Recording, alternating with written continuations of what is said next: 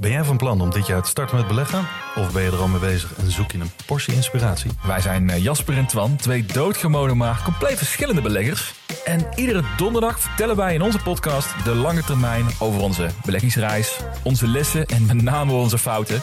En dat allemaal op een uh, vermakelijke en een langdrempelige manier. Alsof je met ons in een kroeg staat. Met een whiskytje erbij. Lekker.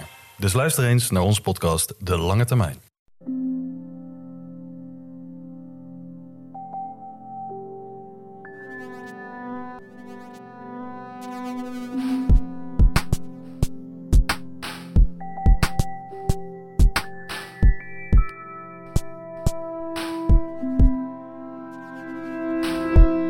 Dit is Relaas. In Relaas vertellen mensen verhalen die ze zelf hebben meegemaakt. En er zijn heel veel mensen die, als wij ze vragen om een verhaal te vertellen, terugdenken aan een van hun reizen. Maar geef toe, op reis gebeurt er altijd iets bijzonders. Dat was ook het geval voor Lin. Lin vertelde haar reisverhaal in Antwerpen in een hopzak.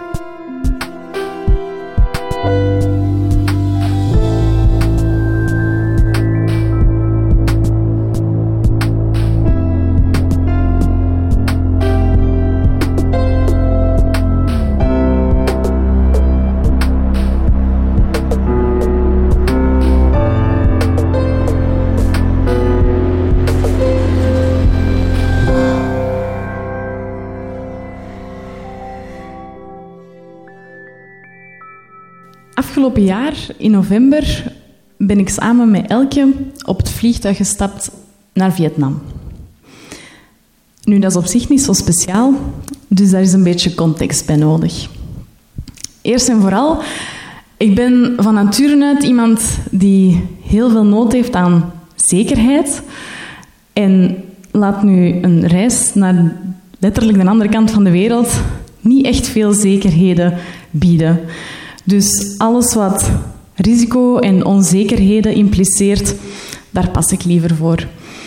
Maar ik doe dat wel, want ik heb al geleerd dat vasthouden aan die zekerheden, dat dat mij niet per se gelukkiger maakt of zo. Dus de reis naar Vietnam. Maar nog iets speciaal. Ik ben daar met Elke naartoe geweest en op dat moment kende ik Elke eigenlijk niet zo goed. We waren, of zijn nog steeds, collega's. Maar verder wisten we niet zoveel van elkaar. En het was door een andere collega die besliste om samen met zijn vriendin naar Vietnam te verhuizen, dat wij op zijn uh, afscheidsetentje zeiden in een zotte bui: Ja, en wij komen u bezoeken in Vietnam. En zo ben ik dan ook wel. Als ik zoiets zeg, dan doe ik dat ook. Dus Elke en ik samen op het vliegtuig. Nog iets leuk aan die reis was, ik ben daar 27 geworden. Ik was jarig en dat was echt een verjaardag om u tegen te zeggen. We zaten toen in het uh, noordwesten van, uh, van Vietnam, uh, in de buurt van het gebergte Sapa. En we zijn op mijn verjaardag een trekking gaan doen van het, het stevige type.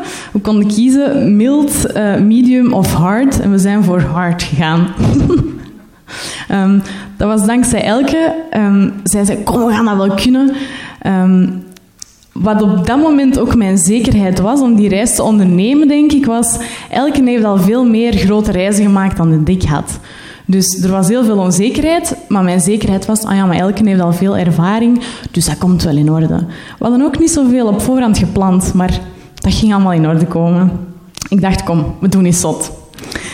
Dus goed, mijn verjaardag daar, um, heel veel gewandeld, prachtige uitzichten over de groene rijstvelden, leuke babbels met Elke, leuke babbels met de plaatselijke bevolking. S'avonds had Elke nog een uh, massage geregeld. Um, en nadien zijn we nog lekker gaan eten. Kortom, het was echt een fantastische dag. En de dag nadien hadden we nog een aantal uurtjes over voordat we de bus zouden nemen terug naar Hanoi, van waar we onze reis eigenlijk zouden verder zetten. Want we hadden het ambitieuze plan om op drie weken van Noord naar Zuid te gaan. Dus we dachten, oké, we kunnen die uren dat we hier nog zijn beter nuttig besteden. En we hadden in onze reisgidsen aan het kijken geweest en op zo'n 12 kilometer van waar we zaten in het hotel, waren er mooie watervallen. Oké, we gaan die watervallen bezoeken. Maar hoe geraken we daar? Wel, zei Elke, anders moeten we een scooter huren. Hè? Dan hebben we dat ook eens gedaan. Ehm, iedereen in Vietnam rijdt trouwens op een scooter. En voor de rest van de reis komt dat er waarschijnlijk toch niet meer van. Dus, oké. De eerlijkheid gebiedt mij van te zeggen dat ik van in het begin niet zo'n fan was van het scooterverhaal. Weet je wel, risico, uh, onzekerheid. Maar ik dacht, kom Lin, niet zeuten. Doe dat nu gewoon. En uh, oké, we gaan een scooter huren. Dus wij naar de receptie van ons hotel. En daar zei ze, ja, sorry, alle automatische scooters, eh, niet, om te, niet handgeschakeld, um, die zijn allemaal al um, uitgeleend. Maar beneden is er ook nog een hotel en die verhuren ook scooters. Gaat daar eens horen. Dus oké, wij zetten onze wandeling in naar beneden in het dorpje. Ook een, uh, een mooi hotel. Ook daar. Nee, sorry. Al onze scooters zijn uitgeleend. Ah ja, want iedereen rijdt met een scooter in Vietnam. Maar de bellboy van het tweede hotel zei ons van... Kom mee met mij, ik kan jullie ook wel in contact brengen met iemand die scooters verhuurt. Dus wij oké, mee.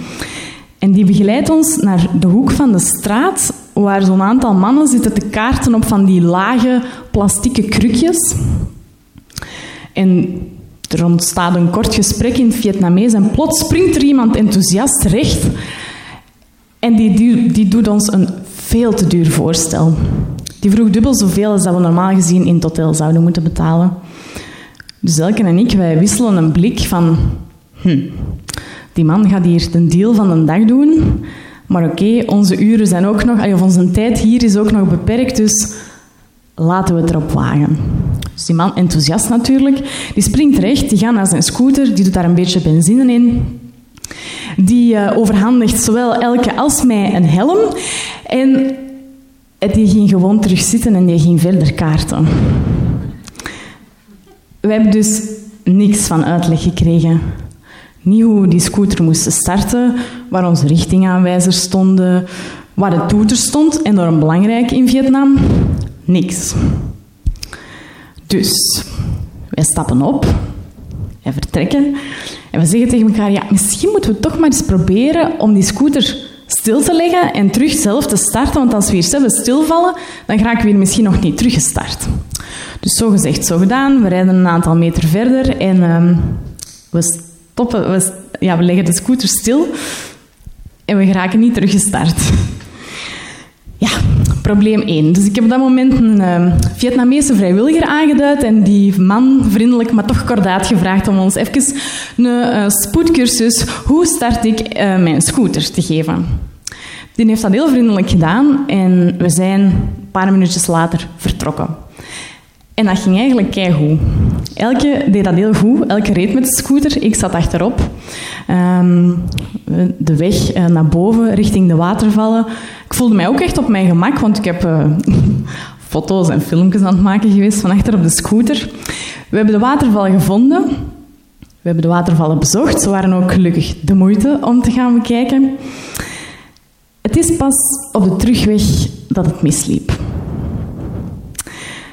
We zijn de bergpas naar beneden aan het rijden, dus terug naar het dorpje. En Elke zegt ineens... Zeg, is dat normaal dat er maar één van de twee remmen werken? En ik dacht... Uh-oh. Ik zeg, ja, nee, want met een fiets is dat ook niet zo goed als er maar één rem werkt. Ik zeg, ja, oké, eh, bon, het is nu zo. Uh, rijd gewoon niet te snel. Was overigens ook niet idee, want alles ging heel voorzichtig en rustig. Um, ik zeg, rijd niet te snel dat je niet te brusk moet remmen en dan komt het allemaal wel in orde. Dus we rijden verder naar beneden. Ik moet zeggen, het moment dat Elke dat tegen mij zei, werd ik mij ook pas heel goed bewust van hoe diep de ravijn was vlak naast ons. Daar had ik daarvoor nog niet echt op gelet. We zijn vijf minuutjes verder en uh, we naderen een bocht. Dus elke toetert, zoals het hoort in Vietnam, om te zeggen: wij komen eraan.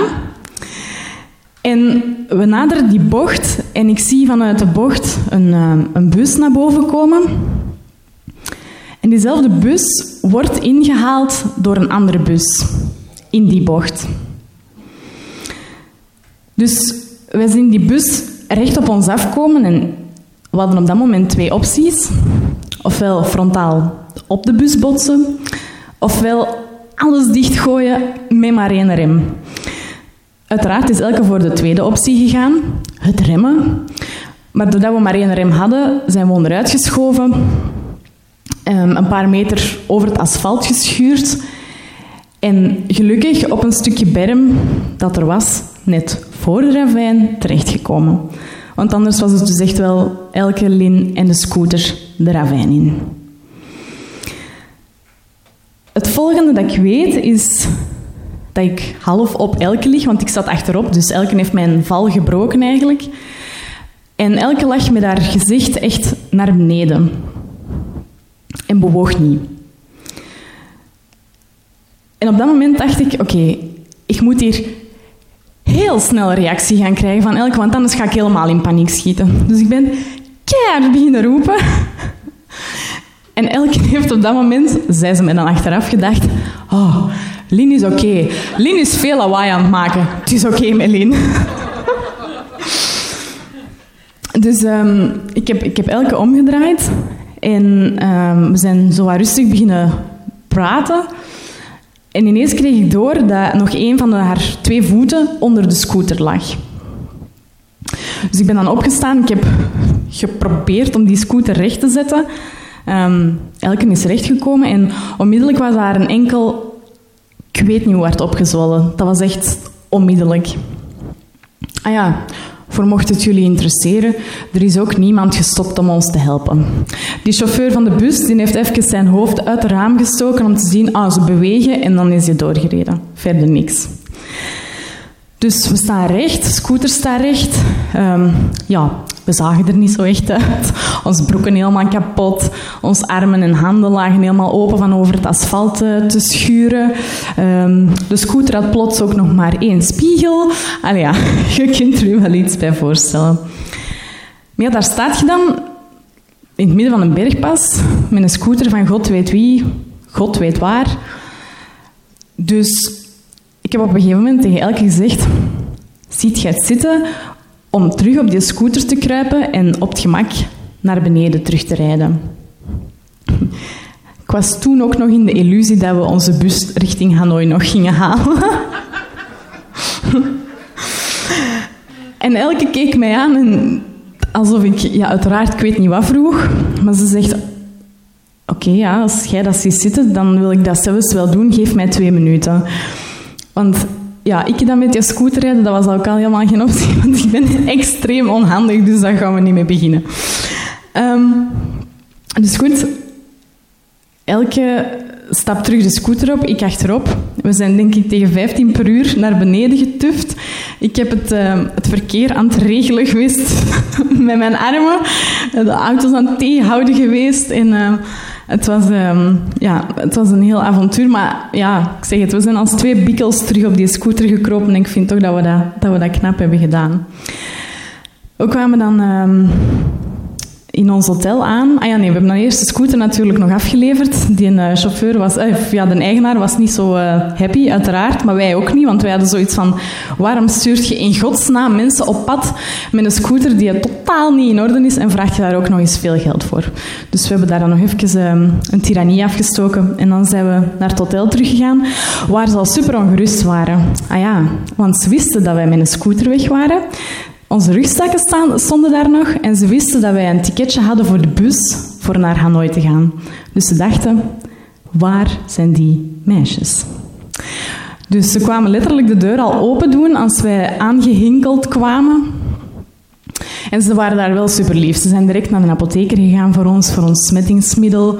Um, ze hebben nog eten gemaakt voor ons en zo. Maar we moeten er toch heel ontredderd uitgezien hebben, denk ik.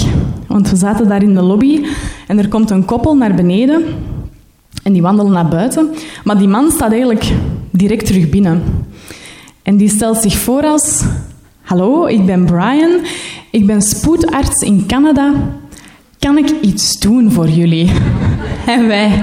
Ja, check al onze wonden alstublieft. Met de grootste focus natuurlijk op de enkel van Elke, want die zag er echt niet, uh, niet oké uit. Met nog twee weken reis voor de boeg, um, met die pijnlijke enkel en al die andere wonden die moesten verzorgd worden. Wat hebben we nog allemaal meegemaakt? Wel, um, we hebben sinds die dag ons dagelijks verzorguurtje ingelast, waarbij we elkaars wonden inspecteerden en ontsmetten, om te zien wat er niks aan het ontsteken was. We hebben met Google Translate bij de apotheker gestaan om wat pijnstillers te krijgen en ontsmettingsmiddel en verbanden enzovoort. Um, ik dacht er ook ineens aan, um, als ik langer dan zes uur moet vliegen, dan uh, draag ik steunkousen. Zeer sexy, maar zeer praktisch. Um, dus ik heb een van mijn steunkousen aan Elke gegeven en die heeft eigenlijk wel heel goed geholpen, want die zette druk op, het juist, op de juiste plaats. We hebben krukken gekregen in een bepaald hotel. Enfin, ze hebben ons echt wel goed proberen te helpen. We hebben die reis dus verder gezet, van noord naar zuid, met een dikke enkel. En wat de dikwijls al tegen elkaar gezegd van, maar als die zwelling nu toch zou weggaan van die enkel, dat zou nu toch al veel gemakkelijker zijn. Hè? Dan kan elke tenminste terug te groeien naar schoenen en dat zou toch het leven al een beetje aangenamer maken.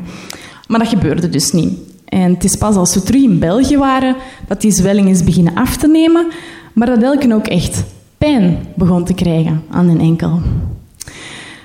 Nu, we hadden daar dus, zijn in Vietnam dus ook niet aan een dokter of zo geweest. Geen dokter, geen hospitaal, want een Brian had ons gezegd... ik denk niet dat de voet gebroken is, of de enkel, maar zegt, ja, ik kan er natuurlijk niet veel aan voelen, want ja, die zwelling dat erop zit, um, ja, die hindert mij een beetje. De plaatselijke bevolking had ons ook gezegd, oh, als je hier niet in het ziekenhuis moet zijn, doe dat maar niet. Dus ik heb de keuze aan Elke gelaten natuurlijk, maar zij had zoiets van, oh nee, laten we daar buiten blijven, gaan we vooral niet doen.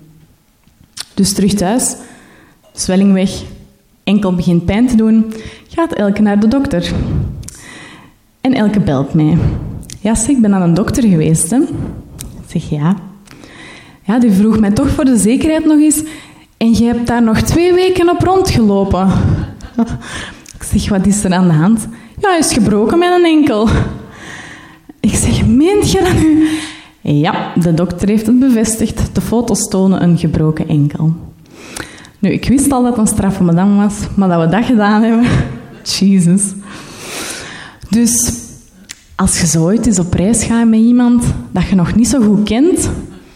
Hè, als je zo eens wilt bonden en wilt zien wat je aan elkaar hebt... denk dat ik jullie net een goed idee heb gegeven. Hè. Dank jullie wel.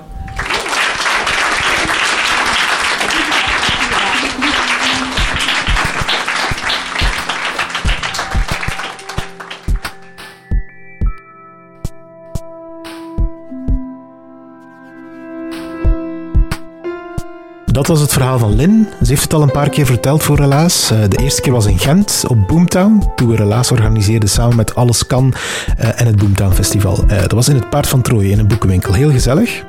Daarna heeft ze nog verder gewerkt aan dat verhaal en ze stond er helemaal in Antwerpen. Het was in de Hopzak in september van 2018. En als je het wil weten, Lin is ondertussen een van onze vertelcoaches geworden. Dus als je ooit zelf eens een verhaal wil vertellen in Antwerpen, dan is de kans groot dat zij jou gaat helpen om dat verhaal te vertellen. Relaas is het passieproject van een hele hoop vrienden. We zijn met 18, als ik goed kan rekenen. Uh, veel Sarah's. Sarah Latré, Sarah de Smet, Sarah de Moor. Katlijn de Vries, Eigen Gontier, Lin Somers, Evita Nocent en Steve Konaar. En dan Stefan Gruijaert, Anneleen Schelstraat, Marlene Michels, Ruby Bernabeu Plaus, Jurgen Stroband, Charlotte Huigen, Timo van de Voorde, Dieter van Huffel, Philip Cox, Silke Durie en ik ben Pieter Blomme. Iedereen doet dit trouwens nog altijd voor de lol. En we krijgen met Relaas nog altijd steun van onze partners. Stad Gent, dank je wel daarvoor. Uh, ook bedankt Urgent FM, Rec en Pulp Deluxe. En uh, bedankt jullie, onze fans, die steeds komen luisteren, live of naar onze podcast. Je kan ons helpen door het verhaal dat je net hebt gehoord door te sturen uh, naar minstens één andere persoon. Lijkt mij leuk als eindejaarscadeau of als nieuwjaarsgeschenk.